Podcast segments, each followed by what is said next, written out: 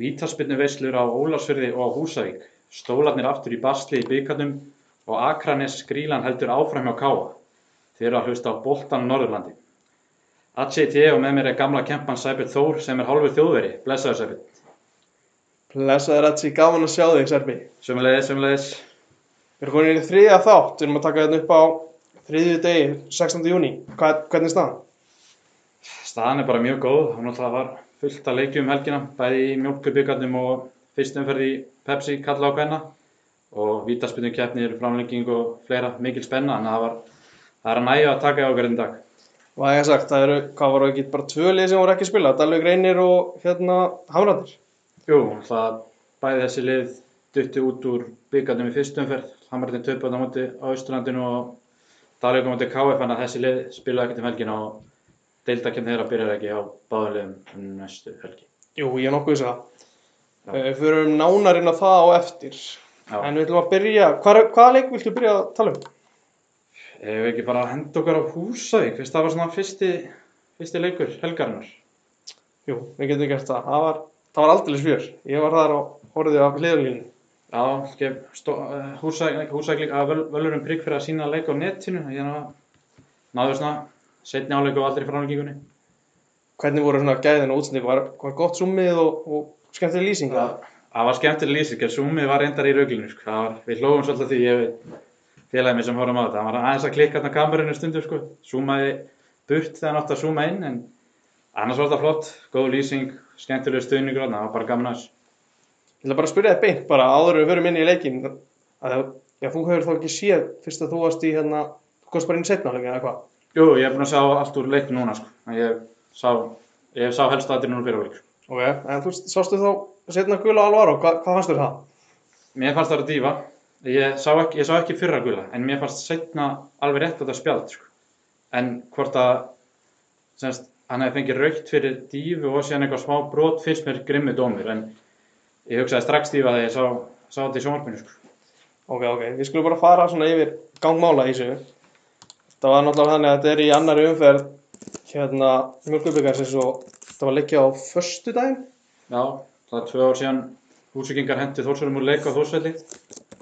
Já, eftirminnilega. Það var að þeir sá klárlega séns í þessu og mér fannst ekki svo að það væri heilt deild á milli þess að liða það ég fylgdist með þessum leik, fannst þér? Nei, það voru svona eins og það væri svona eitt sæti að max á milli liðana, þetta var það jánt. Alveg saman því, bara stál í stál eins og að segja. Algjörlega, þetta var hérna, þetta olli með smá ombriðum sem þósar að horfa á, horfa á mitliðið spila, en svo á sama tíma, ég veit ekki hvort það var þór að kenna eða, eða, eða hvað það var, að völsungarnir litu bara helvíti vel út ef ég, ef ég nota þetta blótserið. Þetta, þú veist, þeir voru bara mjög sterkir, þéttir, spilu 4-3-3, meðan að þósarnir voru, já það voru líka í 4-3-3, þannig að bara þetta er bara gott, gott svona veganesti fyrir þá inn í tímabilið. Já, þetta var alltaf bara líka romantík við byggarinn, sko, þessi lið í nærdeildunum bara peppast þvílíkt upp, þess að sá mörg dæmi um það, bæði hérna á Norrlandi og fyrir sunna, þessi lið bara peppast þvílíkt og kannski er betri liðin að um þau kvíla kannski eitt, tvo leikmenn, þá bara getur þetta orðið hörku leikur, sko. Og það sem þetta var, Algjörlega, þetta var hérna, þetta var lífi í þessu, þetta byrjaði bara strax svona á fyrstu mínútunum, Sæþór Olgers bara stimplaði þessi inn og, og fór harkalegin í fyrstu tækling og fekk tiltal. já, Og svo- var ekki spjald hann á 50 mynd. Jú, það það var mér það var búið að brjóta áður, þannig Já, að já, það, þú veist, það, var engi, það var ekki gefið tómmu eftir í þessu. nei, eins og segja, svo er alltaf skora Siggi Marnó fyrsta marki á í 20. myndi, ég misti reyndar að því, getur þú farið hans í gegnum það? Já, þetta var snörp sókn hann fær boltan út í vinstri og tekur held ég bara eitt eða, eða kannski tvö touch á svo fyrirgjöf á Sigga á næstu venginni sem að skalla bara á nær fram hjá Valdes. Já, þetta kannski heldur margir að þósara myndi láta knéfylgja kviði og Já, ég held, ég held í rauninni að þarna væri búið að stimpla að þarna væri þósað búið að stimpla sig inn í rauninni og, og myndi bara taka yfir en já, svo var aldrei þess ekki við, hérna völskarnir voru þeir ógnuðu bara strax í kjölfæri Ólaf Jón átti skot yfir og svo bara mínútu setna kemur jöfnunamarkið eftir sendingur á vinstri Arnar Pálmi með fyrirgjöfun og Sæður Olgers með flugskalla í netið að hann hefur ekki hatt Þetta skora mútið Þór, nýkominn frá Káa. Nei, ég er nokkar bara að spyrja, svona þitt mata á veist, var hann bara svona í rauninni hárspeit kannski að fá almennilegt tækifæri með eða hvernig, hvernig lítur á það? Já, hann alltaf fekk ekki mikið að spila, en þegar hann fekk að spila, hann fekk hann, fekk hann einhverja byrjunleysleiki í, í Pepsi, að hvort að Elvar hefði verið meittur þá eitthvað, svona, því nýtti hann ekki alveg tækifærið og, og ég held já kannski að, þú veist, menn þurfa ofta að spila svolítið og finna sitt level í þessum fótbolta, sko, ég held kannski að Maxi sé aðeins á stórt fyrir hann, en eins og, veist, flott fyrir hann á eftir að skora hellingamörk með endardeildinu og, og er, getur bara fýtt í fyrstöldin líka, sko. Já, mitt mat. alltaf sem ég sá, þá var sérstaklega Herman Helgi fannst mér frekar verið í vandræðum með það, bara að Sæþór er bara stór og sterkur og bara hann var að valda usla þarna allan leikinni að þá hann fekk setna gul og kom nánar inn á það á eftir. Já, en svo, já, og hvernig fyrir að gula á Alvaro? Það kemur þetta á þrjö- 37. myndi, ég, skri, ég var að textalýsa þessast leiknum á fótbolta.net og Alvaro ætlaði að taka boltan á loftu og láta vaða markið en fer í sérst völsung og, og hann spjaldaður fyrir að í rauninni að sparki í hana því að hann bara hittir ekki. Já, Þannig að þar kemur spjald og svo strax mínúti setna verður Siggi Marino þannig að það er alveg, það er mikil hit á þessu mínúti. það er sérst þrjú spjöld og sjö minna kapla þarna og 44. fær svo Alvaro setna gula sko. Ég, hann datt mjög furðulega. Var já, svona, það getur vel verið að það verið snerting. Mér svona, fyrstu sín, þá hugsaði ég strax dífa, sko. Mér fannst það. Mér fannst vera sko, Þú veist að þú skrifaði það líka á .net. já ég, sk ég skrifaði að hann, hann datt sko með tilþrifum og þegar ég horfið svona aðeins á það finnst mér eins og það sé snert eitthvað undan. Ég veit bara ekki, þú veist, fallið er bara klaufalegt. Já, það er mögulegt að hann finnur fyrir snertingu og fer þá niður, þú veist, við, já, lent í þessu, sko, og reynir að sækja eitthvað, en, þú veist, ég veit það ekki.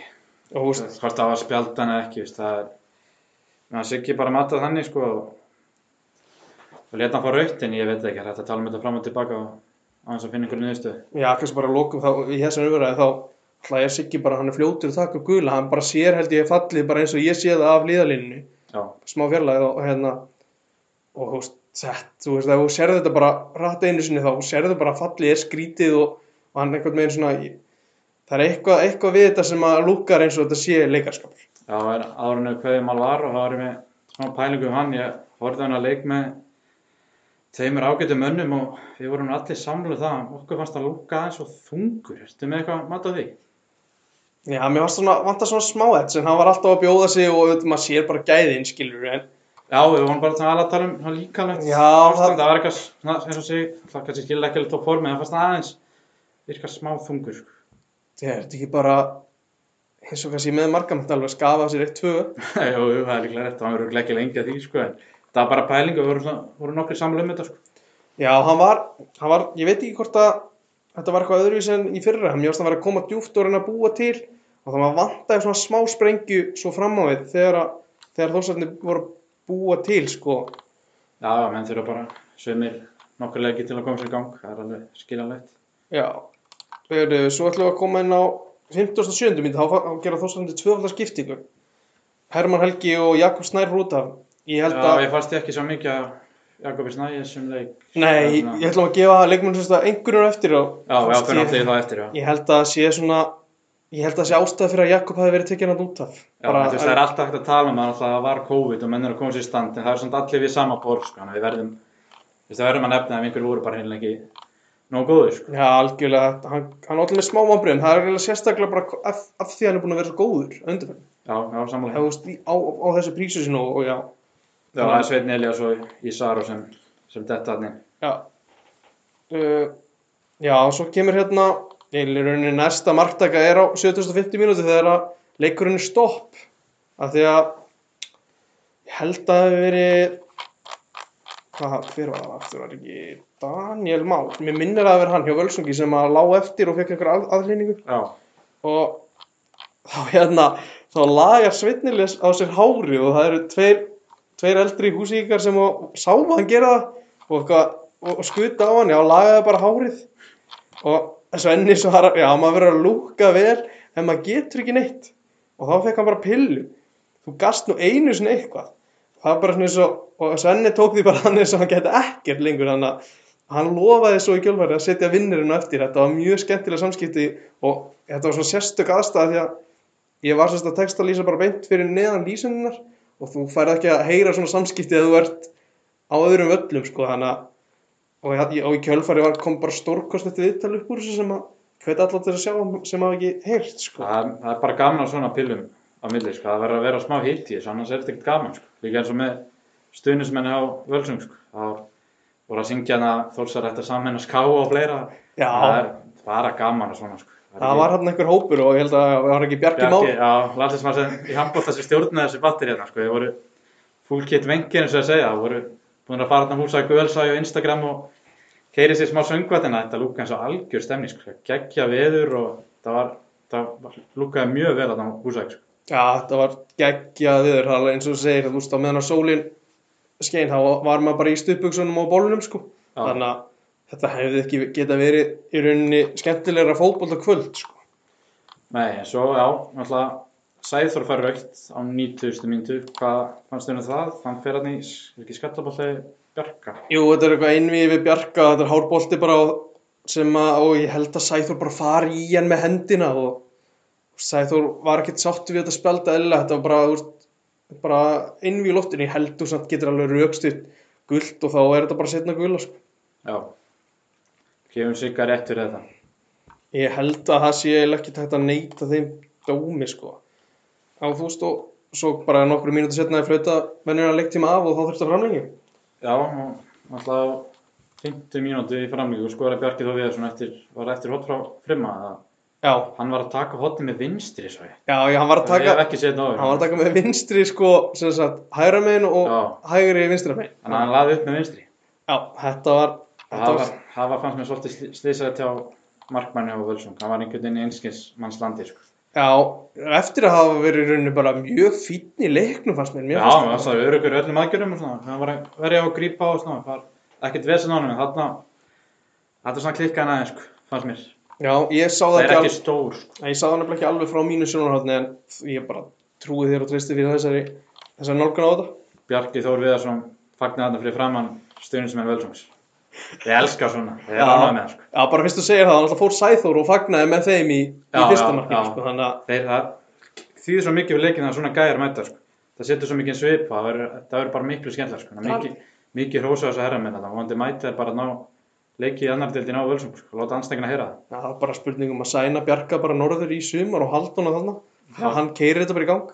Þú veist, og eins og að þú segir að gaman að þessu þá, einmitt kemur Bjarki inn á það, hann hefði aldrei orðið vitna svona stuðningi á Nei, nei, Húsavík. hann og fleiri en eitt leikarna, sko. Já, hann hefur spilað einhverja leiki og, og veist, hann sagði jafnvel að þetta hefur bara haft áhrif á dómar og allt, skilur, Já. þannig að þetta kryddar þetta bara. Já, ég tengi vel við þetta, sko. Þetta er sem mitt á hjá KF á Ólasvið, sko. Það er svona tveir þýrjus að leiki búin að vera og ég er búin að vera einhver fimm tímabil, sko. Þannig Mm. að Þetta, þetta er ekki eitthvað sem að sér það hverju mennsta leik, sko. Nei, nei. Uh, svo er næsta atvök í rauninni, það er bara, það er náttúrulega lok framlýgingar þegar að, Já, allir held að þósarðinu væri að sigla þessu heim. Já, þetta kemur í rauninni bara upp úr engu, sko. Eitthvað engu. Kemur bara flott sending, ég, ég hugsaði fyrst eitthvað rángstaða, en, en það var greiðlega ekki inn í myndinni og svo, svo sé ég bara að orðið sigur svo tekur Ragnar út, bara hann ætlaði bara að ná honum fyrir áður en að kemist inn í teik, hann ætlaði alltaf að brjóta, þú veist, Já. af því hann átti ekki breyki í boltan, en Siggi bara metur það að hann sé komin inn í svo það var smá Já, vafatri þegar maður sér, Já, sér, sér sko mynd, en Þessu gerir svo hratt sko. Rosa erfitt að meta, það sko. er ótrúlega erfitt að meta þetta En líklega var þetta rangu dómur Svo segir það, maður sér mynd eftir leik sko, og verðist hann brjóta honum rétt fyrir utan teik sko. já, og ég, sem hefði það verið gegg, geggju tækling sko. En mitt ég skrifaði til skýsluna að því að orri, ég valdi orra sem, sem sagt, í vondur dagur, það er alltaf erfitt að velja eitt þar, en mér varst bara orri, ég valdi með smá vonbröð og, og ég nefni þar alveg að orri hefði ekki fengið þann titil hefði hann bara bjargaði rauninu úrslutunum með því að ná honum fyrir utan teik, sko. En dómarinn tekur ákvörðun og við erum bara að lifa með því, sko. Bjarki Baldvinsson alltaf fyrir hann í skaldra punktin og skorar öruglega Já, þetta var samfærandi því. en já, svona aðeins til að koma inn á hann fyrir vítakefna þá gáttu nú völdar líka að klára þetta í venlu leiktíma það Aron varði hann frábæla frá Sæþóri sko. Manstu eftir það, kom já. kross frá vinstri hver er þessi vinstri bakur, þetta á er Arnarbón með vinstri bakur. já, Húsæk, Já, já, hann átti nokkra mjög góða krossa, Hann ég var og nefnilega- félagi mín vorum að rífa rífa stöðlega sem krossun sko, mjög góð. gamast hann milli markmanns og hafsendar og það er svona óþægilegt fyrir Aron að koma út og erfitt fyrir þá að reynsa þetta kom með geggjaðan kross og sæði það með tilhörn sem Aron var þetta styrlu vassla sko. Já, og þú veist, hann verð svo aftur í kjölfarið frá, já, já, þetta er í lok vennu leikstíma sko. það er að bjarga vera að koma sér framlengingu já, algjör, þetta voru ykkur, hvað ég held að verið átta mínútur eftir af, af 90 sem sagt, þannig að já, þetta var bara all krúsjál varsla. já, svo er það náttúrulega vítakefnin Já, og svona eins og oft vil verða, við munum til dæmis eftir þegar að Asamoah Gyan kemur Ghana í vítakefni á móti, hérna, Uruguayum, eftir að Luis Suárez hann bjargar inn í Já, markinu. já. og hann skorar þá undir framlengingar en svo klikkar hann í vítakefni þetta er bara, veist Það er ekki auðvitað, hann klikkaði undir lok fram. já, jú, hann, jú, hann, jú, hann hefði getað tryggt Já, sigur ekki trýtsigurinn klikkar, fyrir Klikk- fyrir vító og auðvitað klúður hann í vító og verður fara fram. já, Svaris Vagnar alltaf hliðinni. já, En já, þetta bara, kannski bæði lið nýttu vítin mjög vel en Völsungur klúður einu vítið, það var Bjarki Baldinsson, það var bara fyrsta vítið. já, hann skaut bara yfir Það sem er líka ekstra svekkjandi fyrir svona víti finnst mér þegar markmanni fer í vittlust hótt og þú skýtur yfir að framhjá í hittvotni sko.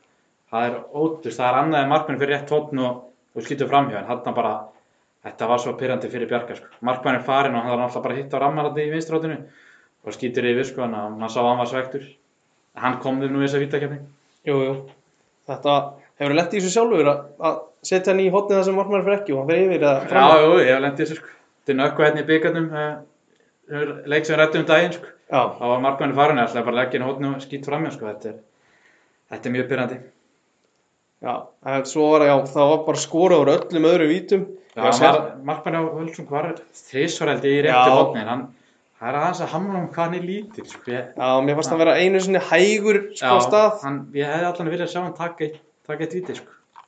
já, En- hann, hann valdi rétt en hann náði bara Já. einhvern, einhvern veginn ekki að krækja boltan Já, en þú svo áfram Já, þeir fara áfram og, og eins og Svenni nefnir í þessum samskiptum hann á, á hvað áttustu myndu tæplega eitthvað svoleiðis þá, þá, þá setur hann vinnirinn, tekur síðasta víti og skorar. Já, nákvæmlega, hann var, hann var aldrei að klíka því Nei. en ég var að renna snögt yfir engunir Já, og varst búin að drita eitthvað niður sko. ég var með, já, við byrjum að liða völsungs bara, ég, ég var bara með Valdes og Bjarka Baldur sem voru báður í sjö, bara flott framist að þú kemur hann inn á eitthvað smá hann í setnamarkinu og Þór. Með Valdes, Bjarki bara bossaði mið, veist, var bara flottur á miðinni Já, Bjarki er mjög góður. Ég er sam, samlásu báðum báðum einhvernum. og þú veist það kemur alltaf eiginlega óvart að Bjarki er láfarsinn sko, en hann bara, það háir hann um einhvern veginn ekki eins og hann spila leikin Já, já, það er alveg rétt. svo næstur var Arnar Pálmi sem að bara frábær í vinstri bakku Já, mjög samlásu. Ég vi- vissi ekki hver þetta var. sko. nei, ég er bara sammála, ég vissi ekki hver þetta var þessi fyrirkjær voru styrlaður, sko. Það er sæður að vilja allan að nýta eina, eða tværa þessum, sko. já, þetta, þetta voru eitræðu boltar og hann var ekki, hann var ekki slagur varnarlega, það kom lítið upp í rauninni hægra megin hjá Þór sko Já, góða leikur honum. já, uh, Sasha ég hendi sjö og hann, hann var svona Já, mér fannst, sam, mér fannst hann líflegur, sko. Kannski, Já, hann var gæði í honum, hann átti kannski smá að leikform, hann þurfti að spila 114 mínútur. Já, hann var mikið í boltanum, hann var að reyna, fannst mér, sko. Þannig að ég, það komið svo gæði stand og þá get, er hann öflugur, sko. Algjörlega. Svo spilaði Alli fyrir hálfleikin í hérna, hafsendinum og bara, það er ekkit út á hann að setja, þessi hendur bara 7 án líka. Óla Jóhann, frábæra veist, þetta er góðu fótur, þetta, hann var bara nálætt í oft að Já, að skora og ógna, sko. Einu snið gæti hann verið svegt með Sólans, hann fekk færa það var ekki í framlengingunni. Jú, Þetta er seint og bara þrjum árum yfir, sko. já, Urku færi, sko. Já, og hendi sjö á hann líka og sumleis með Ragnar. Ragnar var, þetta er emmitt aftur gæði sem ég veit ekki eiginlega hver er, sko. Ég var bara vonast til að sjá meira á hann. Veist þú eitthvað hver þetta er? Nei, ég kem að fjöllum eins og að segja, sko. Já, hann er alltaf sá sem að fekk vítið þegar orri brýtur. Já, Svo var stígur í hérna hægri bakk. Ég sagði hérna, ég líst einmitt, mér varst þetta, ég fór sjálfur að hlæja sem er alltaf kjánalegt. Ég sagði stígur, stígur út, þannig að Já það er ódýrt, sko. það var mjög ódýr. Já, þú gefur hún sjö sig. Já, Svo skilaði eins og að segja. Já, hann var flottur, spila fyrst 86 Svo var Sæþór sem hann alltaf er ekki að velli og hérna hann hann var, hann var sjöuna veistu, hann hefði alveg, eins og ég skrifa þetta, hann hefði alveg geta verið maður leiksins, en hann, hann alltaf lækkar aðeins fyrir að fá setna gula, sko. Já, klálega. Já, hann var bara flottur eftir yfir og eins og segir, setna gul og svo hefði hann- hann geta potað inn öðru marki á góðandi. Já. Þess að ég hendi, ég, hendi svona 8-5 á Freyþór, mann Já, hann var sko. Já, þú veist, þetta er líka Líka gæs. tröpur, sko. Þessi, sko, þeir voru endalust að segja nafnið hans fyrir ofan mig í lýsingunni, þannig að Já. hann bara limtist í Var það ekki, hann sett okkur víti, þetta var bara hamra hann upp í Jó, dagvætti. þetta var, það var örugast að víti, sko. Alveg miðvara víti, djúðlur ánægð með þessu. Já. Svo hendu ég 7 á Daniel Már og Pál Vilberg sem að kemur svo inn, í, inn fyrir alla í, í setna áleikin. Já, Daniel Már, einnig strákur sem ég vonast til að sjá bara meira af í sumar. Hann var bara öflugur á vagnum. En svo fyrir við þósarana. Uh, þar var bestur, þeir voru bestir í rauninni að Bjarki Viðars og Aron Birkir. já ég samlega, ég myndi henda mannleiksins og Bjarka. Af því að varst hann að vera maðurlýsins. Já, mér finnst það. Uh, Aron varði bara þarna frábærlega. Þetta var bara ótrúlega vassla. Bjargaði bara leiknum. Það var styrkli vassla, reflexin hjá hann, sko. Það var stuttu færi, sko. Og bara, veist, frábært fyrir mitt fyrir þósara að sjá að hann er, Já, bara, er veist, bara til í slægin, já, sko.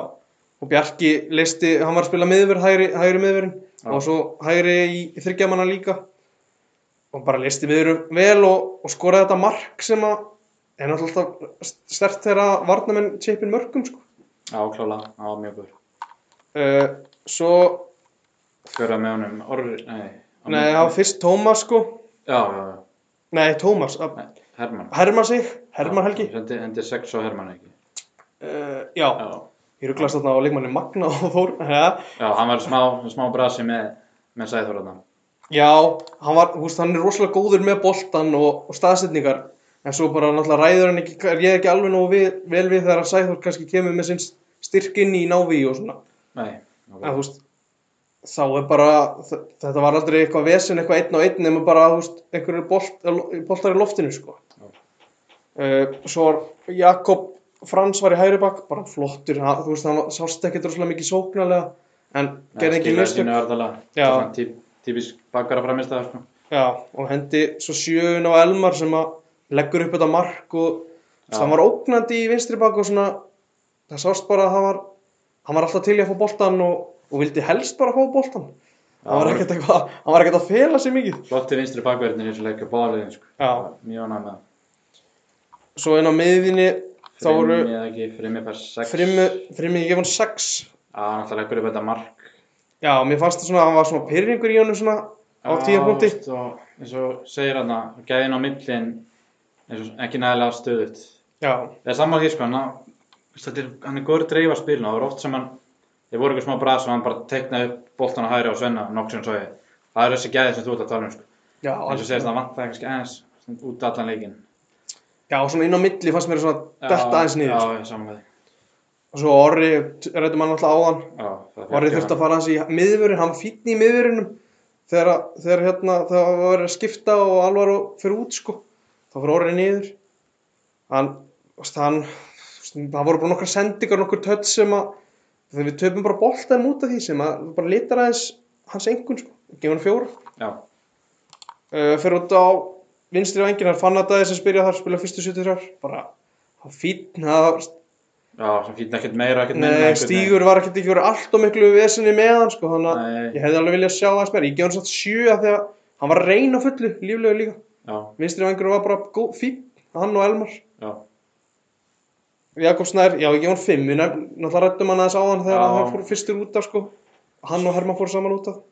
já, smá vambriði, það sem er.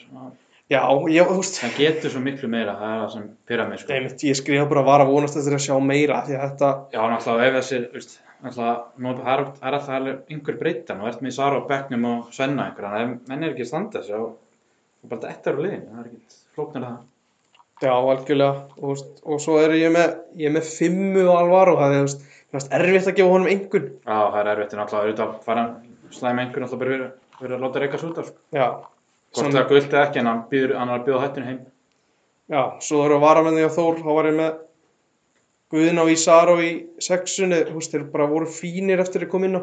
Já, Ég veist Sölvi koma vel inn, ætla að henda hún sjö á hann, það komir, hann kom líka óvart, það bara öflugið með boltan og var til að dreifa honum aðeins. Já, og svo Svenni fær bara tíuna fyrir.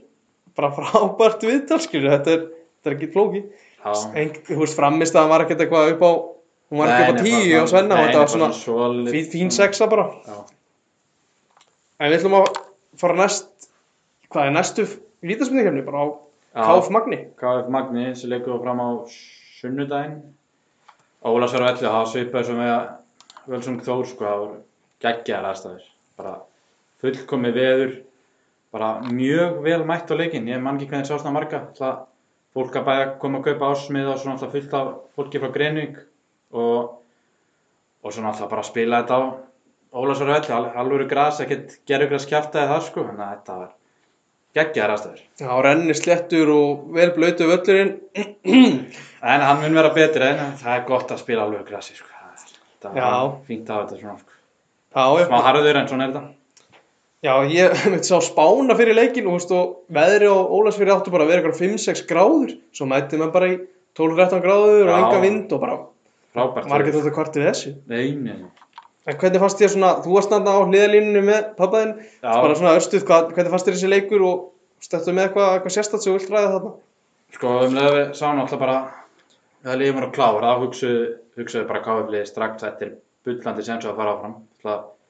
Magnalið mikið breytt og margir farnir og voru vantaði kannski hverja 2-3 á og, og fyrir áleikin fannst með KF bara vera betri. Svona ef eitthvað, það var mjög lítið að færa með fyrir áleik. Sko. Það var bara svona stöðuborð af völlurinn alltaf erfiður og hvort að bæðilega kannski fengi eitt færi í fyrir áleikum, mestarlega fyrir skot. En, Það var eitthvað svo leys. en mér fannst KF vera meira að sækja og boltinn var miklu meira á vallarhæfningi magnaðitur að KF sko og fannst KF alltaf betur boltanum og, og já þegar hann flautaði til hálfleiks þá voru menn bara sáttir og ætluðu að, að skipta um gýri setna hálfleik. Já, og þú veist, mörkin góma náttúrulega setna hálfleik, en aðeins inn á fyrirlega hálfleikin aftur þá, þá var lítið að frétta. Uh, Magna, menn, mér fannst þeir svona byrja aðeins betur ef ég var bara hreinskil, mér fannst þeir eiga svona fyr- fyrstu 15, jafnvel 20, svona bara örlítil yfirhönd, en svo síðustu 25 var KF bara líklega ef eitthvað var, sko. Þannig að, Já, já, það er alveg réttuð sko en eins og ég sagði á hann það var bara svo mikið svona, það var svona baróttu leikur sko. Skallaboltar, tæklingar og en voru ekki að ná mörgum sendingum á milli sín í báðum liðum, sérstaklega Magni fyrir áleik gekk illa alltaf boltanum, það var sem skána mikið hjá þeim í í þeim síðari sko. Já, við komum aðeins inn á okkar skiptingar og sem að hjálpuðu til þar held ég.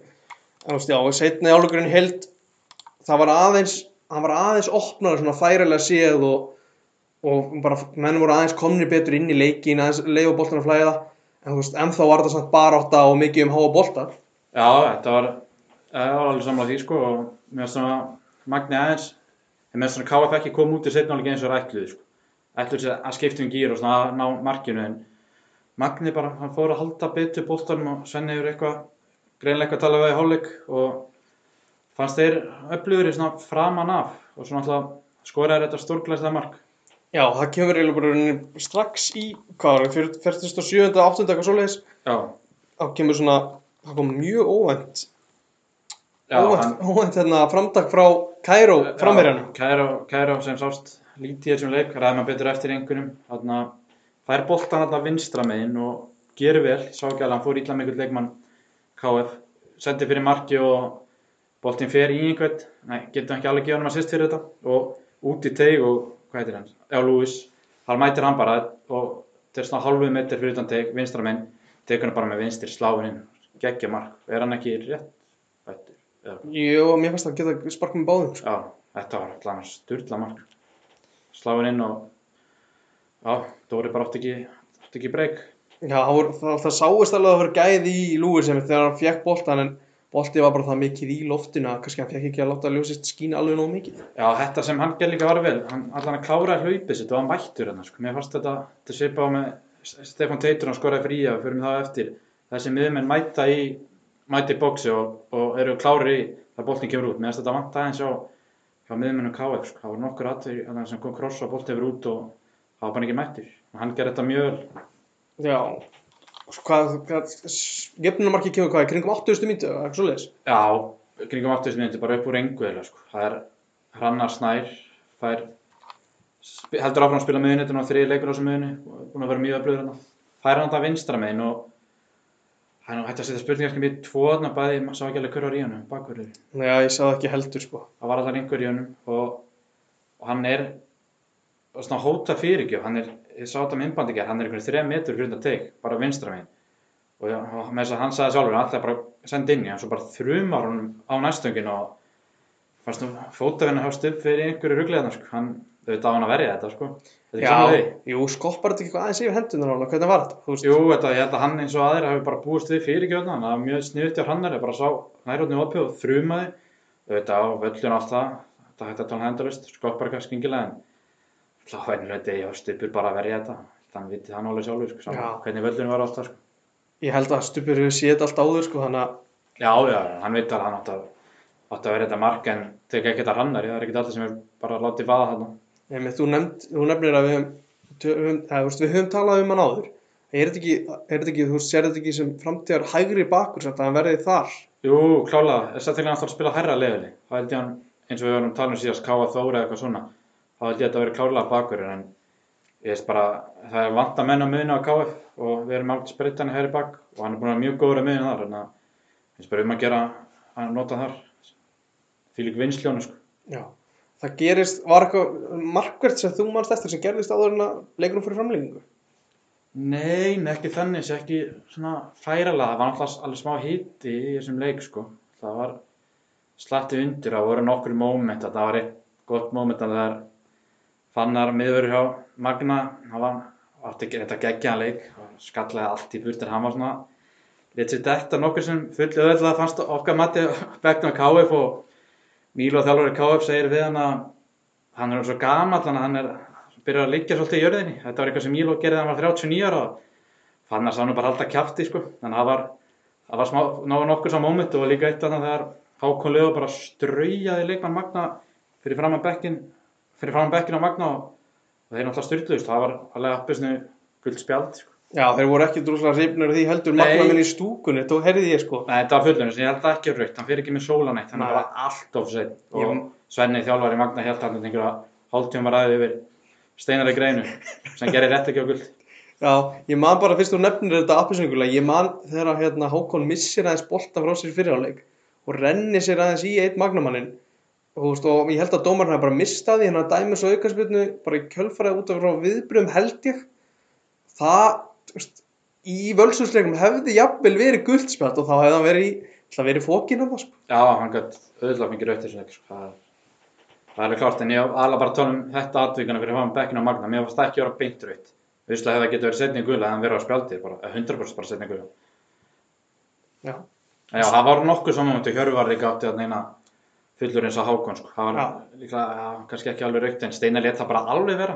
Hann bara dæmdi aukast, hann var búið að dæmi aukast fyrir, fyrir Magna, sko. já, Já. þetta var, já, þetta var svona í kjölfar á því Já, kjölvar eftir því að færa með sólan og það var bara svipað með Hákon, það var svona appusnu gull. Já, svo var það framlengingin Hvernig, hvernig þróast hún?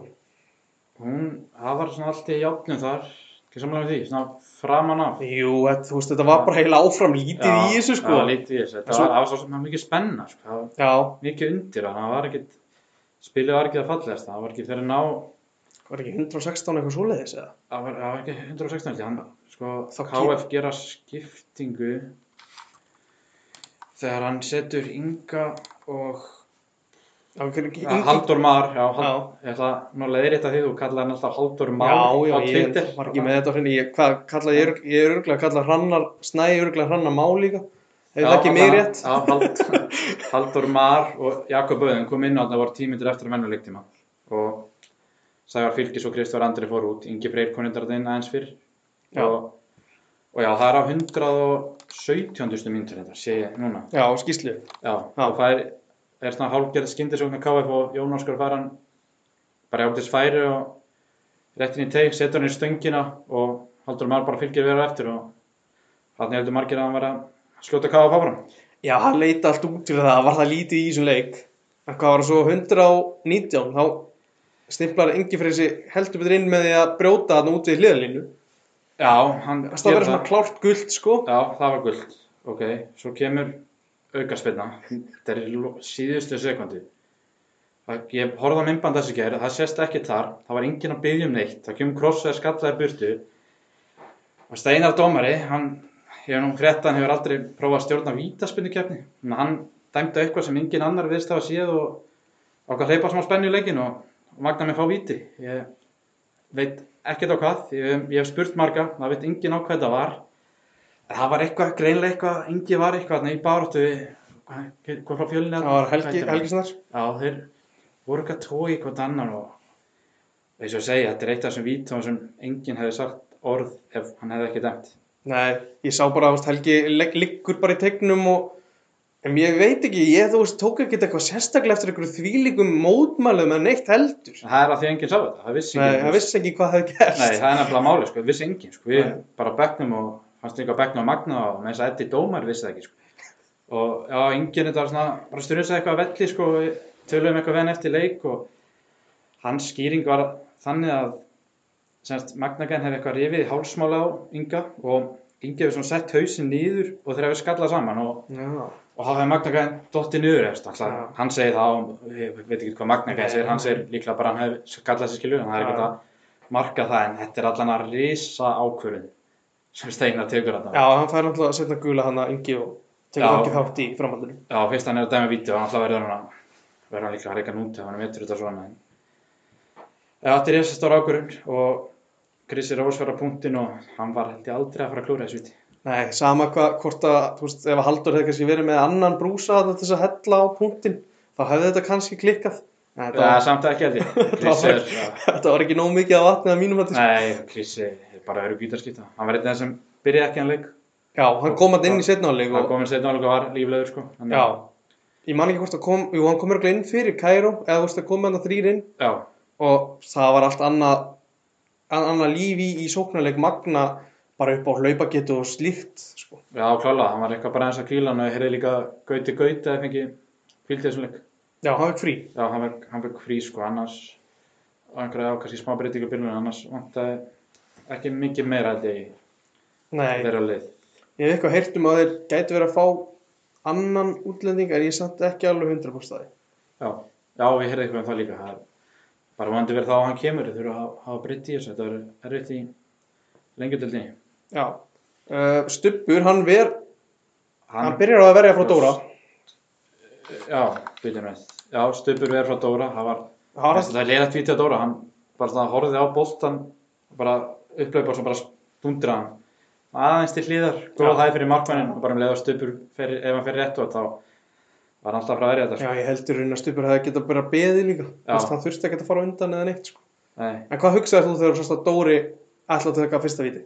mér fannst alltaf leið, hann er, hefur reglulega eitthvað leikað sér þessu æfingum og svona, hann er góða spinnur og Já, hér bara held hann myndi skora sko. Já, já. Það er, já, ekki nóg gott viti.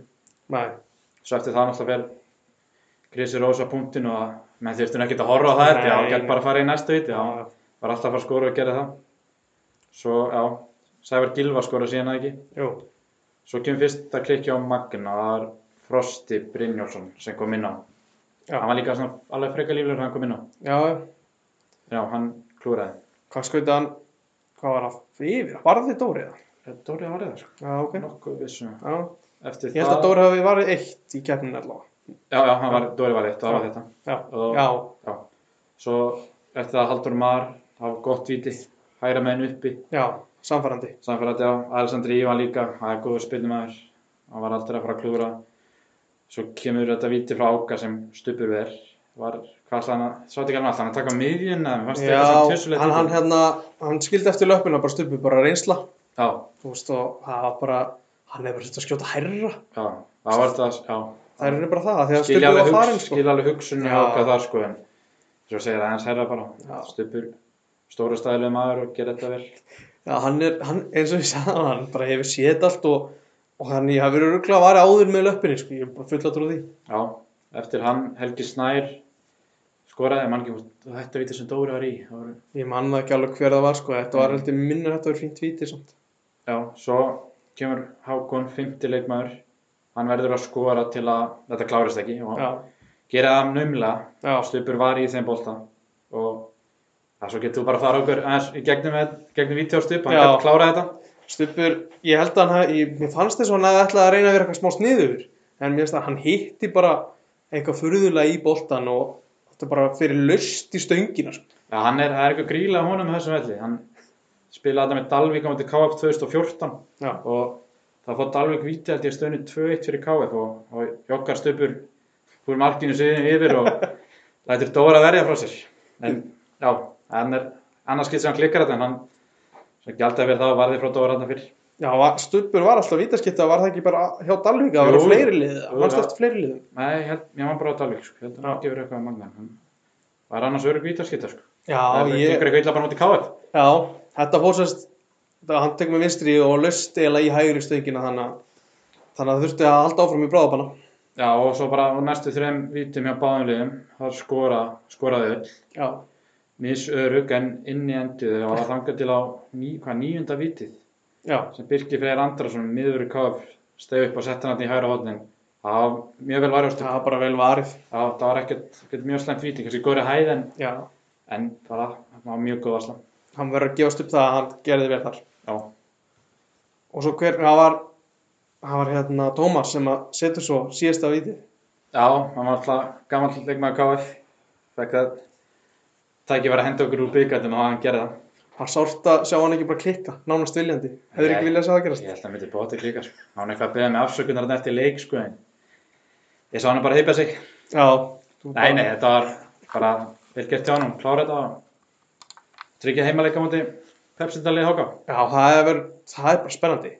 Ég húst bara, ef við fyrir fyrst í það og svo í einhvern þá bara, veist, það, er- það er alltaf geggja að fá heimalegi Pepsi og, veist, og Pepsi, deildalið og fá, fá þá hérna út á Grenivík. Já, þú veist ekki aldrei hvað gerist þessar leikin. Nei. Það veist, svo sá maður þetta bara fyrir sunna þar fjóruðöldalega ár, árbúru kenti Njarðvíkur kemni og Njarðvík einmitt. er spáð nánast upp toppar til annar til, sko, Mhm. þú veist aldrei og hákvæm kreir einhverju meðslum Já, þannig að og hvort séum ætla að á þetta bara sem eitthvað auka keppni og kvíla einhverja smaði viðbúta og geta magna minn alveg það, það verður góð stemningar sko.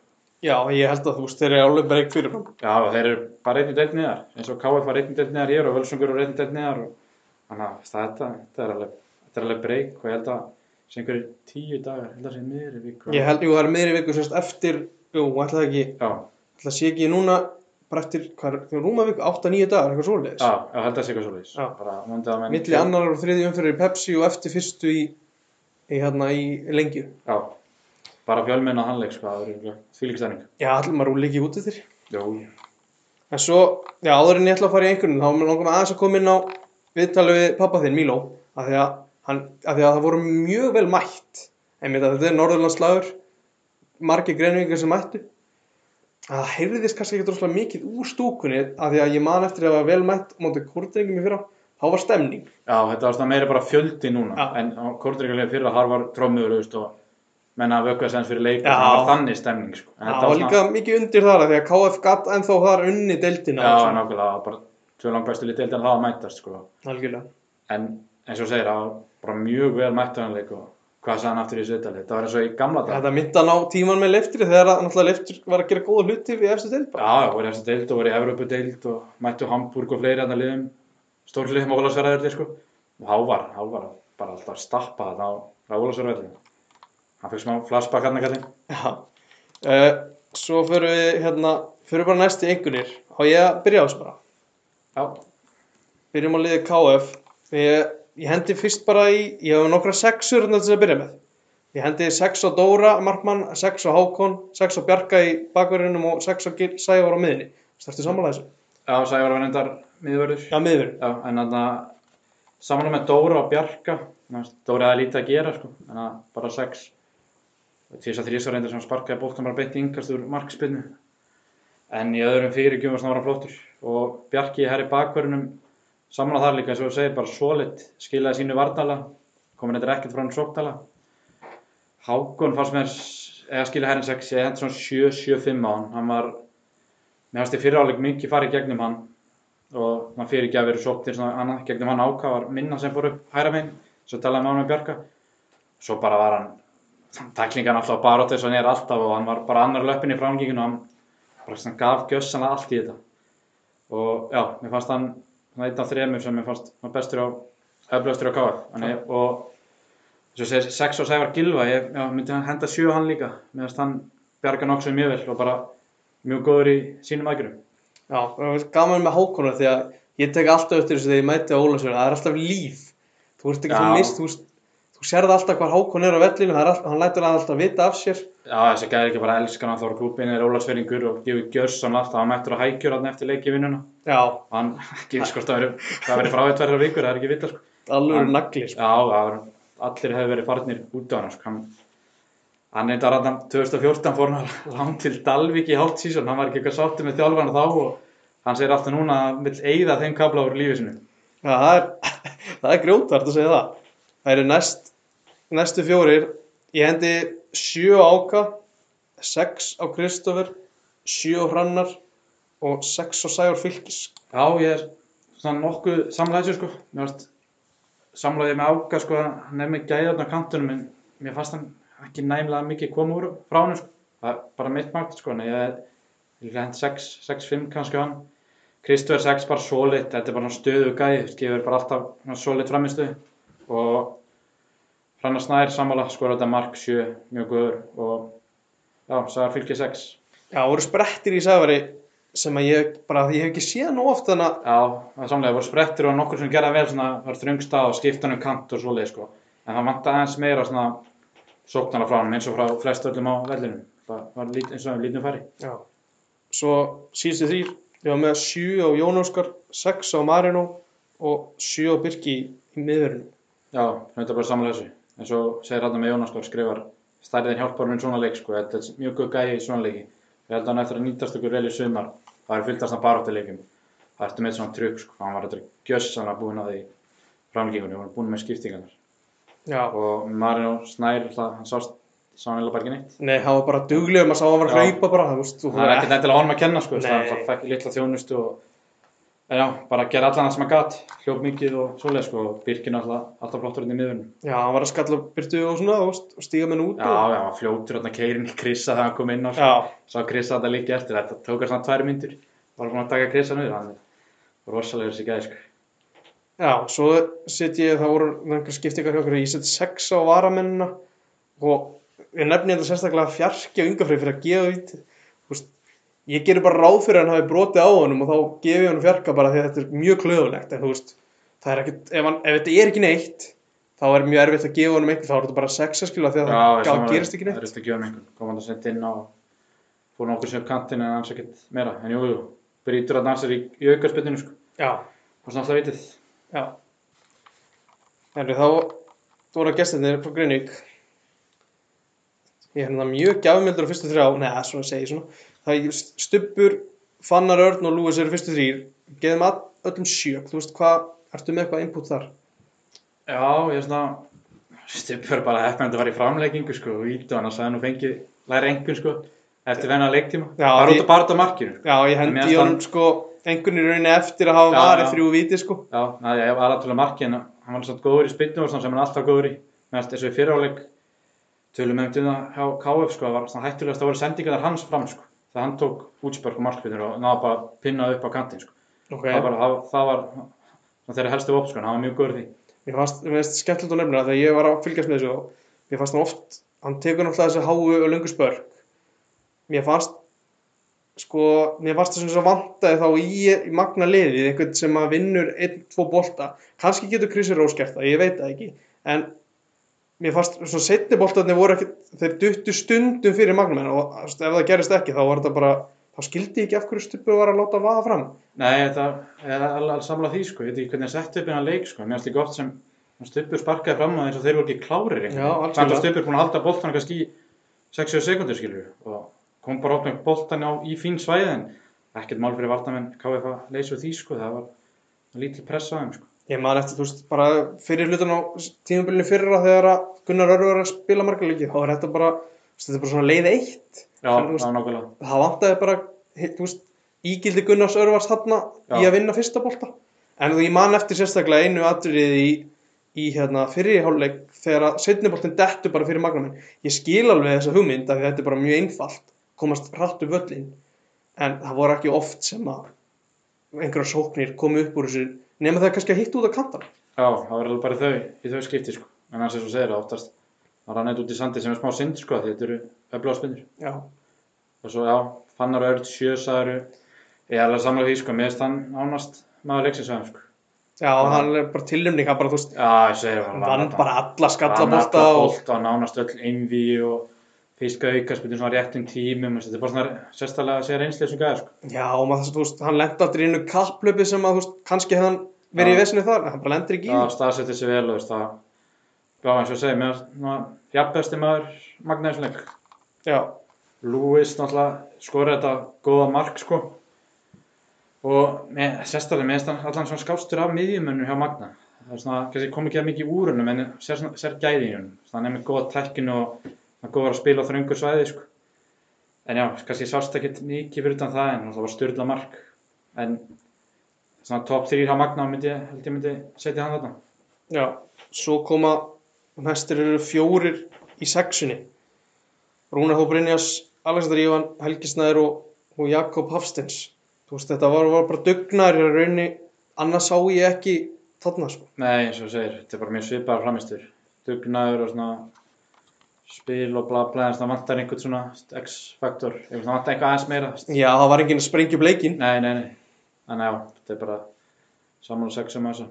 það var síðust tveir Kæró, ég gef hann 5 og svo var Ágúst Brynjans í bakverðinum 6 Já, ég er þessi Kæro, hann heitir hérna Kæro Assa Jakob Edvards John. Já, Hann, það er gæðið sem hann er að fá frá Breitlandi og þeir sögðu með það, hann hefði bara komið alltaf þungur.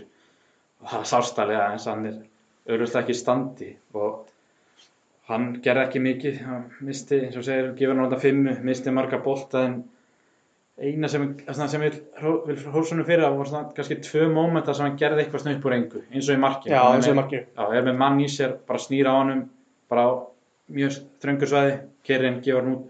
Ég held að það var einu sem ég gerði þetta líka áður, það kom, kom reyndar ekkert út úr því, en svona, virðist geta gert eitthvað svona upp úr engu, svona aðeins. En Já, annars var hann ekki upp á marga harðfiska.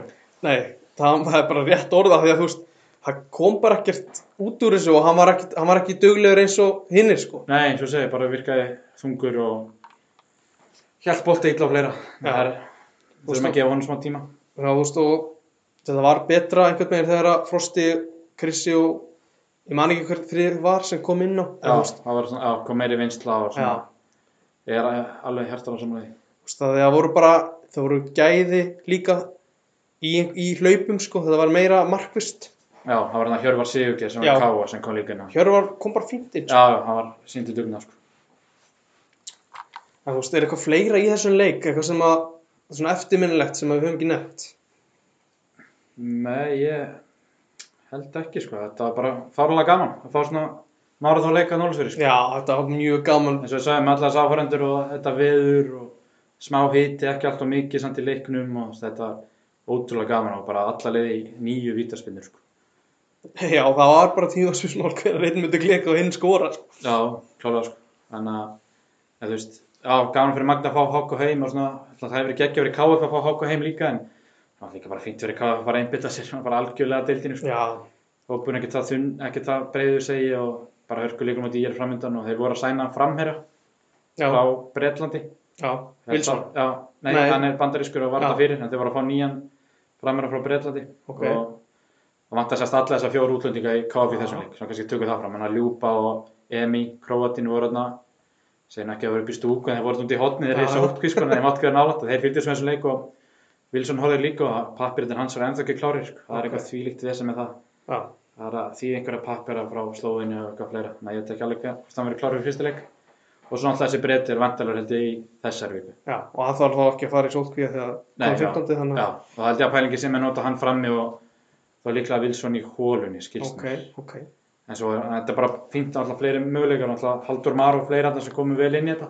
já, Og Marino, það var ekki sérstaklega góður til Dalvík, en það er bara komin, komin breyta allavega. það er fínt og nefnilega mitt aftur hennan að leikum á Dalvika því að veist, þessi leikur er bara auka leikur fyrir tímabilið Já, já, þetta hvernig það á það er lítið, bara auka leikur og fínt bara fyrir þóla og gæðan, sko. Gott að fá þessu 120 mínútur fyrir Ok. bæði lið, sko. algjörlega En næst held ég að við vindum okkur inn á Þórsvöll þar sem að stjarnan kom í heimsókn og heimsókti Þór Káa þú veist, og stjarnan, ég bjóst, þetta var bara að vera jafnleikur, 5. og 7. seti í spánni á .net en þetta var eins og já, ég veit ekki hvort ég hækka eitthvað þú veist, eins og að segja að Þór Ká verið þó fjóða besta lið og stjarnan svona tíundu besta lið. Hann var Já, það bara, þetta mikil munur. Já, það var svo mikill munur. já, bara gífuleg munur. Já, já. Það, ég misti þessu leik sko en sá okkur fjögur eitt og það var fyrsta sem hugsaði hvort að þessi svona mikill munur á þessum tveimur liðum. Ég bjóst bara við hörkuleik. já, ég bjóst einmitt við hörkuleik að það, þetta var bara mjög sangjörn niðurst og hefði bara alveg átt að fara bara 4-0 Já, það var bara þannig og já, Þórkáa, þær komast í hvað, 2-0 í hálfleik, er það ekki rétt? Jú, komaðast yfir svona, já, svona eftir rúmulega kortir minni mig Marja. Katarína skorar eftir geggja stungusendingu frá Margréti og svo skorar Karin Marja bara í fyrsta með vinstri eftir einhver hreinsunar tegnum bara geggja mark líka Já, fyrir álgjum þá bara einn Þórkáa. Já, þú veist, stjarnan átti tvær hotspinnur sem ég mann eftir já, fóru gegnum, þú veist, bara yfir pakkan og þú veist, hefði verið ógnað ef einhver hefði þú veist, verið líklegur að ná honum sko.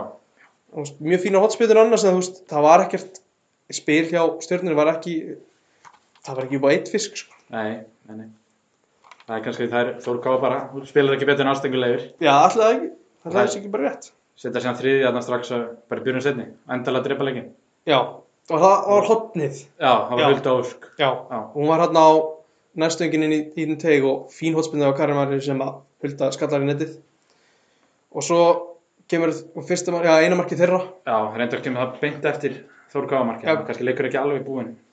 Nei, Það er ekki bara tvei myndir setna, minkar. jú, það er minkað munin en þú veist, þetta kom upp úr algjörlega engu það var var ekkit flottur spilkabli sem að ég man eftir sko í kringu þetta mark þannig að það var bara klauðalegt að bóta á sig eins og Andri segir svo í viðtali að það er áttu bara að halda hreinu Já, en hann var ekkert bara svo ég ítrykki það, hann var ekkert svektur af því að, þú veist, á móti skoraði fjögur og hann gæti ekki verið svektur við það, sko. En svo já, svo kemur fjóraðmarkið þegar að, hérna, Berglind vinnur aukarspilnu og svo tekur Karin Maria háan, há, mér fannst að þeir rauninu bara vera fyrir Já, á fjárstöngina, sko. já, maður hefur séð svona áður. Já. Og þú veist, Markur stjörnunar, hún var bara fín í sér leik með fyrirgjafur og greip marga bolta sem að, svo kom bara það þvílíkt á óvart og hann miss, missir hennan inn, sko. Já, við tö- tökum því samt. Já, við tökum því, sko, bara, veist, bara svo komið reynu, veist, hún var ekki, ekki léli í markinu, sko. Nei, nei, En hún átti þetta alveg skuldlöst. Þess að segja, bara gefur skilja það, bara hárbolti sem hún á bara að grípa, díla við. það var Karin Marja með tvö mörg, ekki? Jú, Hún er bara 18 árar. Er það fyrir ekki ekki veit Jú. maður? Skilst það, verið 90 í næstu ykkur. sýstir Hjörvars, Já, já. Þannig að, Já, hún er uppalinn, uppalinn K. Já, þú veist, hún var mjög flott í þessu leik og bara það voru margar bara mjög flottar að, bara heildar bræðurinn og liðin var mjög góður. já, bara geggjum byrjun. Það er klárt. Já, veist, og það er, það er íbjöða um næstu helgi, heima, Já, það bullandi og, nei, Jú, úti í bjöð, ekki? nei, það er íbjöða heima og svo, Já, va- svo valur út í Já, já, þriðjum það- verð, þannig að, jú, það er bullandi mögulega þar, íbjöða vann þrótt í fyrstu umferð, Já, þannig að, naumlega var það. Jú, nefnilega, þetta var svona, þau tvö eru svona, þeim, þeim er spáð í, svona fall, Já, það er fall nýkur þar, sko, þannig að, það er góður sens að byrja þetta mót bara með 60 eftir tólíkin. já, eins og við svona lögðum upp þegar við vorum að spá í þetta í fyrsta þeirra. Já, En ég, veist, ég, áður en við fyrir ykkur, þá var ég með, hérna, bara aðeins að rýna í þessi viðtölu, af því að, sérstaklega við þjálfara stjórnuna, ég veit ekki hvort það sé ykkur margir stjórnum sem hlusta, en þetta var mjög aðtiklisvært svar við spurningum minni þegar að ég spurði varandi varamarkmann stjórnuna, þær voru sérst ekki með varamarkmann, það voru með sjö útilegmenn á, á bekknum og ég spurði Kristján Guðmunds út í þetta og hann sagði bara það má bara tólka hans orða að það var bara ekki til, það ekki til peningur fyrir varamarkmann og það er bara, hann sagði að það er þetta le, lækka le, laun leikmann sem eru þegar hjá félaginu til þess að fá inn nýjan. Þannig að, ég þú veist, ég bara mín pælingar hvort að það sé þá ekki þriðja flokki eða ég veit ekki, jafnvel fjórða, ég veit ekki hvernig svona viðmiðin er í þessu bara hafa einhver. bara hafa einhver, sko. ja, Já, bara ég veit ekki hvort það sé einhver hérna, yfirlýsing frá honum að vera ekki með neitt já, bara að það vanti já, til svo að það fái. Þetta er Já, það verið. Ef, þú veist, hann er klókur í Já, svona hann er oft taktískur í þessum viðtölum. sko. Já, hann, ég held að, veist, ég veit heldur ekkert hvort hann átti vonar þessa spurningu, en hann ætlaði að svara hann á þennan hátt. Og svo var Andri, með, með, hérna, ég spurði hann út í fjárveru, hérna, Allen, Amy Allen, sérst, Já, hún var ekki með. Markmenn. Það var svo. og Magdalena, hún var í listuð líka. það er, þú veist, maðurinn fekk held ég leikheimild í dag eða gær þannig hún var ekki komið heimild og það, ég er ekki búin að sjá Allen er ekki komið heimild líka veist, það er bara eitthvað klúður sem að hann sagði að það er bara kipt í liðin vonandi var fyrir næsta leik Já. ég tók eftir að Allen var hittað upp í treyju nummer 1 og Harpa í 12 sko, ég veit ekki hvort að það þýkið eitthvað en Harpa var allavega í markinu í þessu leik og hún var bara fín Já. fyrir þá einhverjar, þú veist, byrjum það bara sjö hana því hún var bara flott. Það var, það var ekkert út á hana að setja. En aftur á móti gæti hún ekkert hún gæti í rauninni ekkert unni sér hærra því það var bara ekkert að gera. Berglind Berglind og Kar Kanumarja var svo saman inn á miðinu fyrir framann heiðuregni og ég gef Ber Berglind í átta hún flott fiskar aukarspilnu og veist, hann hafði bara átt skóra í setna áleik Já, hann verðist halda áfram allan upp um hætti. Góði undirbjörnstími. Já, og Karamir er fyrir svo nýju, bara frábær framist tömörk og stóðsending bara besti maður vallarins. Og Margaret fremst hún næst í rauðinni hún var flott áttið frábæra stóðsending og það var bara gefið henni greitt fyrir það að sjá hana því hún snýr inn á miðin og, og veit að Mari taka, sem er að taka laup og þræðir hann bara gegn. Arna segi gefið henni sjö líka og að Jak Jakobínu. Jakobínu var í vinstri bakurinn komin aðeins óvart af því að Hulda Björg spila ekkert, kemur ekkert í sögu. Ef eitthvað heyrt að hún sé ekki hérna, alveg í topp standi en vonandi bara vinnur hún á þar sko svo að Lára Einars var líka á bekknum bara svo það komið fram Hún kemur til þessu Hún er, spilaði hún í á undirbjörnstími. hún var, hún, hann var hvað að minna sko Hún rettum þetta um daginn, sko, vissu ekki alveg stöðun. Nei, það kom okkur aðeins á óvart sem við vorum að skrifa um leikin en Já.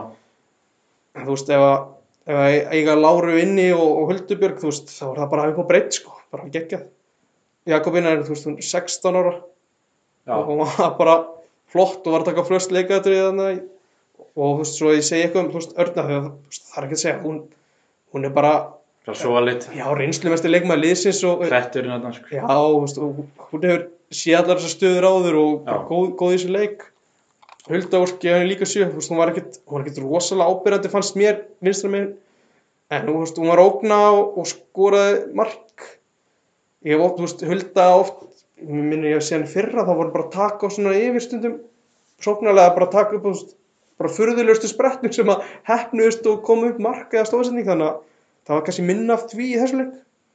Svo var Gabi í, hérna, að Gabi í hægri bakk gefin átta og þú veist, hún bara flott og bara solid bakur. Við vorum aðeins að ræða okkur fannst svona furðulegt að við vorum að, að Þórká að vera að sækja sér styrkingu í hægri bakvörð eða í bakvörð. Eða þú veist ef hún á að bolta upp vangina eins og nátt í þessu leik þá er það bara vopn. Já, bara, á, svo segir bara breytt, sko. já og algjörlega, og hún getur held ég líka tekið vinstri bakvörðin þannig að það, já, það er bara breytt þá í þessar stöðu. Marja Katarina, þú veist, ung bara mjög ung, eldfljót á vengnum þú veist, ég segi ung af því að það kemur bara óvart að hún virkaði bara eins og hún sé bara fullkomlega tilbúin í þessi deild og, og hún leiðið bara vinstri bakvörð stjórnuna hafa vel fyrir sínu og, vann alveg það inn við millu þeirra tvekja og skora svo þetta fyrsta mark. Uh, í miðverðin komin aðeins á óvart að Hulda Karin spilaði liðin á Örnusif Hulda spilaði held ég með hömrunum í fyrra og en þú veist, það sást ekkert að hún væri eitthvað í þessari vörð sko og var bara flott hliðin á Örnu. Og heiðaregnin fyrir framan hann djúpa miðinu var líka bara mjög góð sko.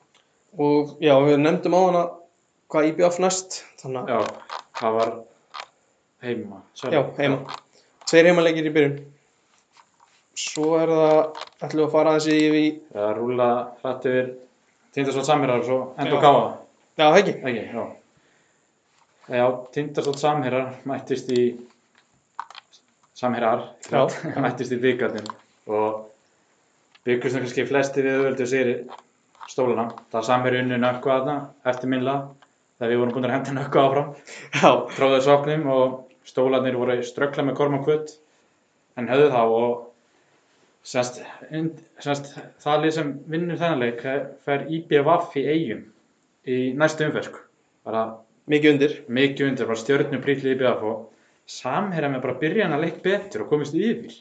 Það er dæmt vítaspinna og var einhver þvaga þarna í teg stólana og gamla brínir hregguður heiðberg stígur á punktinn og klúrar ekki frekar en fyrir daginn og eftir þetta mark var hreggu hann að dauða færi sem hann klúrar og það átti eftir að koma aðeins í bakið þar næður samherja getur komist í 2-0 og veit ekki sem setna alveg hvernig sinnis að Palitsa þjálfari laði þetta upp. Þannig sko þeir ætlu bara að múra fyrir eða, eða hvað sko. En allan með textilsíka.net sko sóttu stólarnir mikið á það og stólarnir gera þrefalda breytingu eftir klukkutíma leik. Svolítið svipa á síðast átti Kormak og Óskar Smári kemur inn, Haldur Brotti sem held ég að við skoraði, skoraði í leiknum undan. Á stólarnir gerir svo þrefalda skiptingu eftir klukkutíma leik. Óskar Smári, Haldur og Benny fyrirlið kom inn á. Þetta er svipur að gerðu umferðinu undan Já. og þá bara breytist leikurinn aftur þannig að tindastólskæði er að koma inn á og þá komur hært í þetta og, og bara eða strax eftir skiptinga þá skorar Lúk eittan breytun er á jafna leikin í 1-1 og þannig er alveg hálftími eftir og þannig kannski hefur mér nú haldið að þeir myndi jafnvel bara keira yfir Samherja. En Samherja stóðu sína plikt og þessi þarna Garðar Stefán kemur inn á Al Alexander Arnar og fleiri og tók Ágúst Víði út á hann á greinlega farin að svolítið að múra fyrir sko. og það var ekki fyrir en injury time heartbreak. Jónas Aron skorar eftir frákast. Það var vist stólatunum sótt það var skot sem er varð út í teig og Jónas Aron er mættur og skýtur stólunum til eiga Já, svekkjandi fyrir Samir eftir að hafa komist yfir hann og, og vel gert hjá stólunum sett að klára bara. Já, klálega sko, þetta er mjög svekkjandi fyrir samir með allan að eins og ég heyrði og sá þessar lýsingu þá voru þeir ekki í sýri sem leik. Voru betri í fyrirálgnum eitthvað. Er en þeir fá að marka á serfum tíma er ennþá hálftíma eftir og þá fara þeir í nöðvörn og í svona leikju þá er oft bara tímaspörsmál hvernig hvernig sögumarki kemur og það hefði ekki komið þarna og held ég að stólandir hefði tekið þetta í framlíkunum Já, líklega. Þú veist, það er svo sem bara ein deild á milli og kannski ekkit óvenjulegt að það sé ekki meiri munur en maður hefði samt haldið að stólarnir myndu klára þetta meira samfærandi. Já, sérstaklega því stólandir er voru annar deild í þrjú eða tvö ára undan þá kannski hefði haldið að væri slatta munur sko Conor og Freyr var mættur hann leik og Ísak hérna, Ok. Og hvað, þú veist, þeir fá þá eigamenn í næstu viku bara? já, í eigum. Það er Gary Martin og félagar hann sláttur við Grindavík Já. í sinni umferð sko, en þetta, það voru erfitt fyrir stólunum. Já, þetta verður fróðlegt að sjá hvernig það er. Já, Uh, ef við að fara næst, ætlum við aðeins bara að skoða, við fengum einhver upplýsingar um hvernig í rauninni nema bara skýrsluna, þannig að, að því að Völsungur var, var náttúrulega í, í hérna, mjölkubyggu hvernig.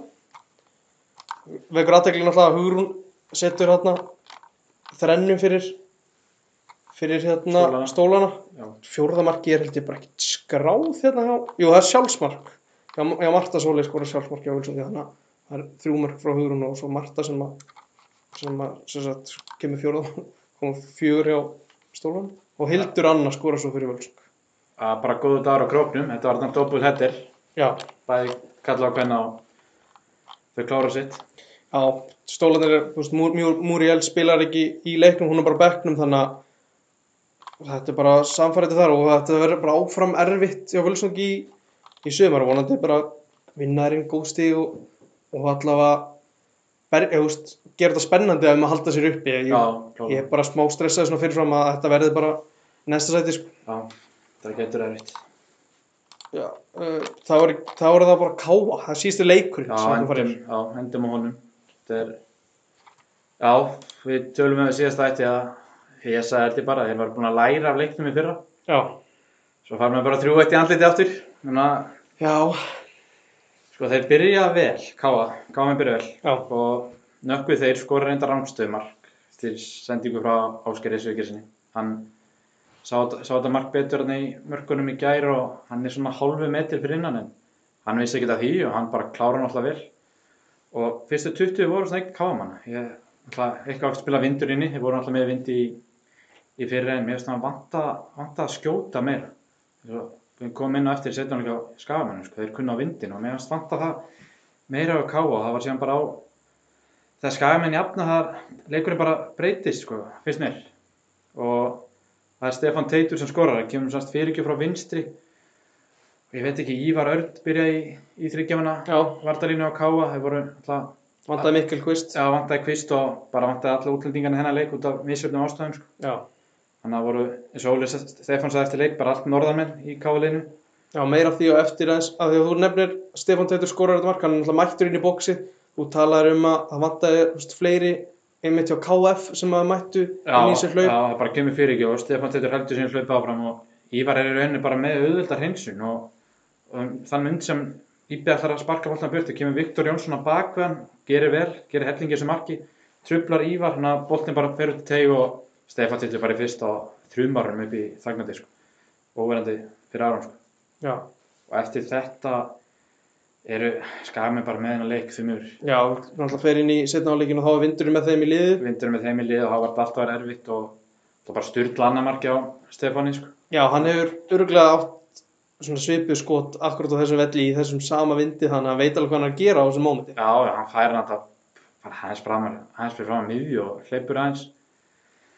Hleypur einhverju metrunum boltan köttar aðeins inn á völlinu og svo bara þrjumar hann upp í skeitin Aron var aðeins í honum en það duði ekki til sko.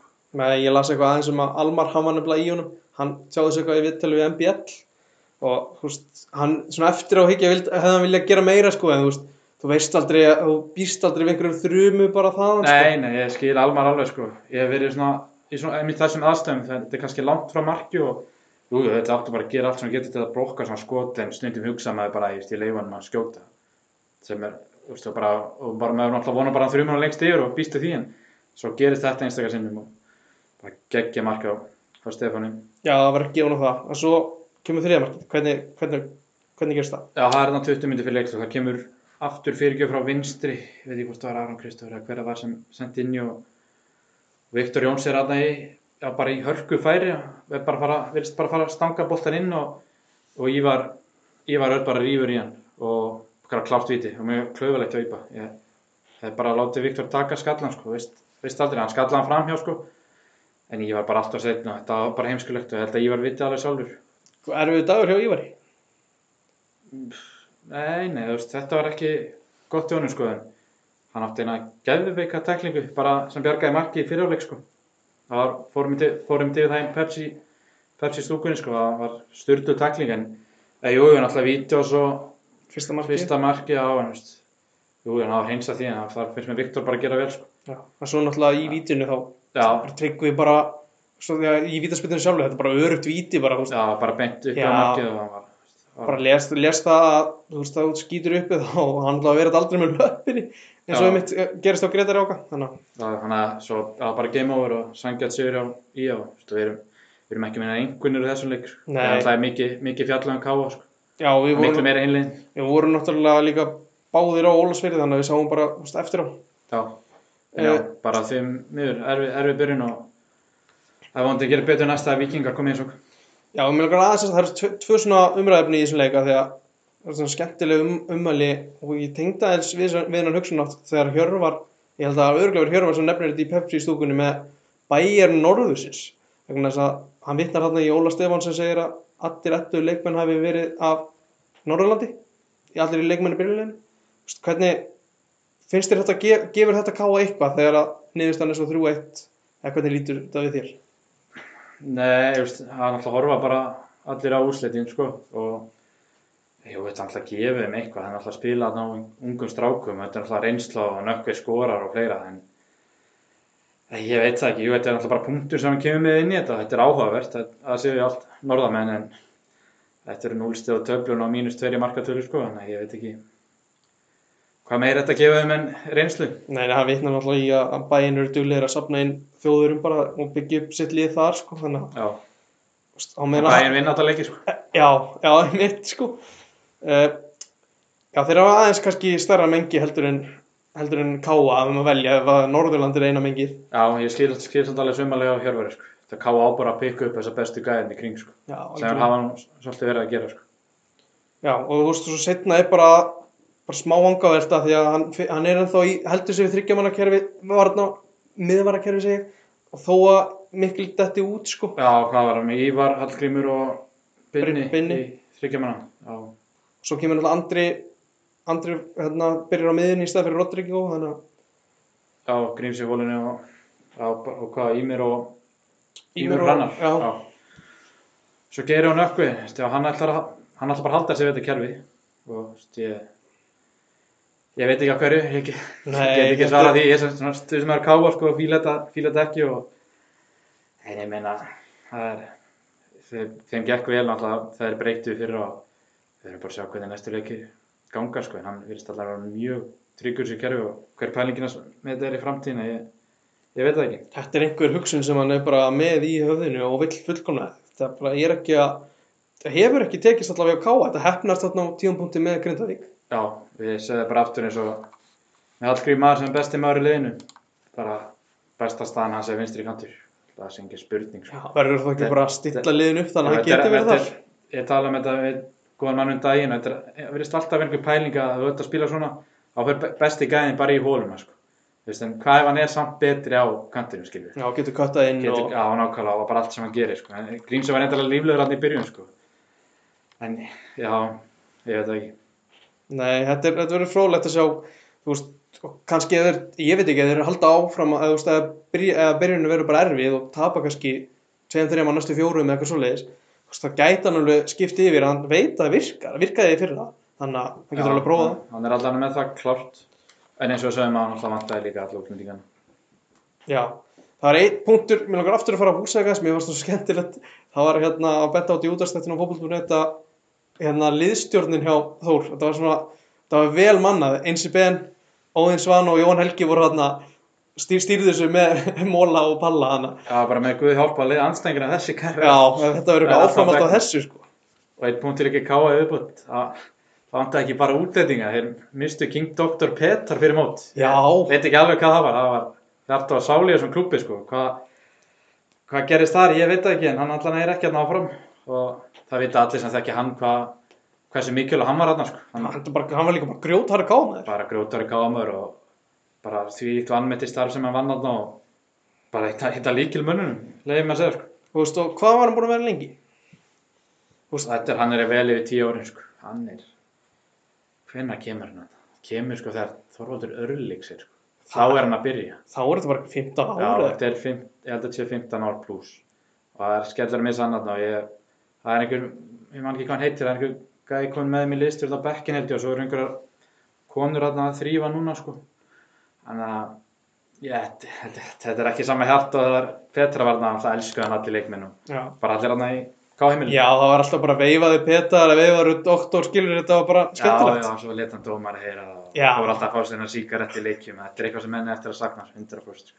Fá sér inn að réttu við tréð. Já, Þetta er alltaf saman, maður sé þetta oft. þetta er iconic sko. Hvað, veistu hvað hann er að gera í dag? Nei, ég er ekki með á hreinu. Það sé bara hvað skoða sem. Ok, eigum þú ekki bara að enda þetta á að minna þess á leikina hérna? Jú, bara fara hætti við þá. Uh, það er sagt, það byrjar náttúrulega bara í kvöld, skallagjörnur samherjar, það er í borgarnesi sagt í sériðli fjóruðildar, klukkan 8. Fymtudaginn, afturöldi í tindastóll í fyrstu dild lengri dildinni, sagt 1915. Uh, lengri dild Karla, Þór Grindavík á föstudag 18.00, Þórsvöllur.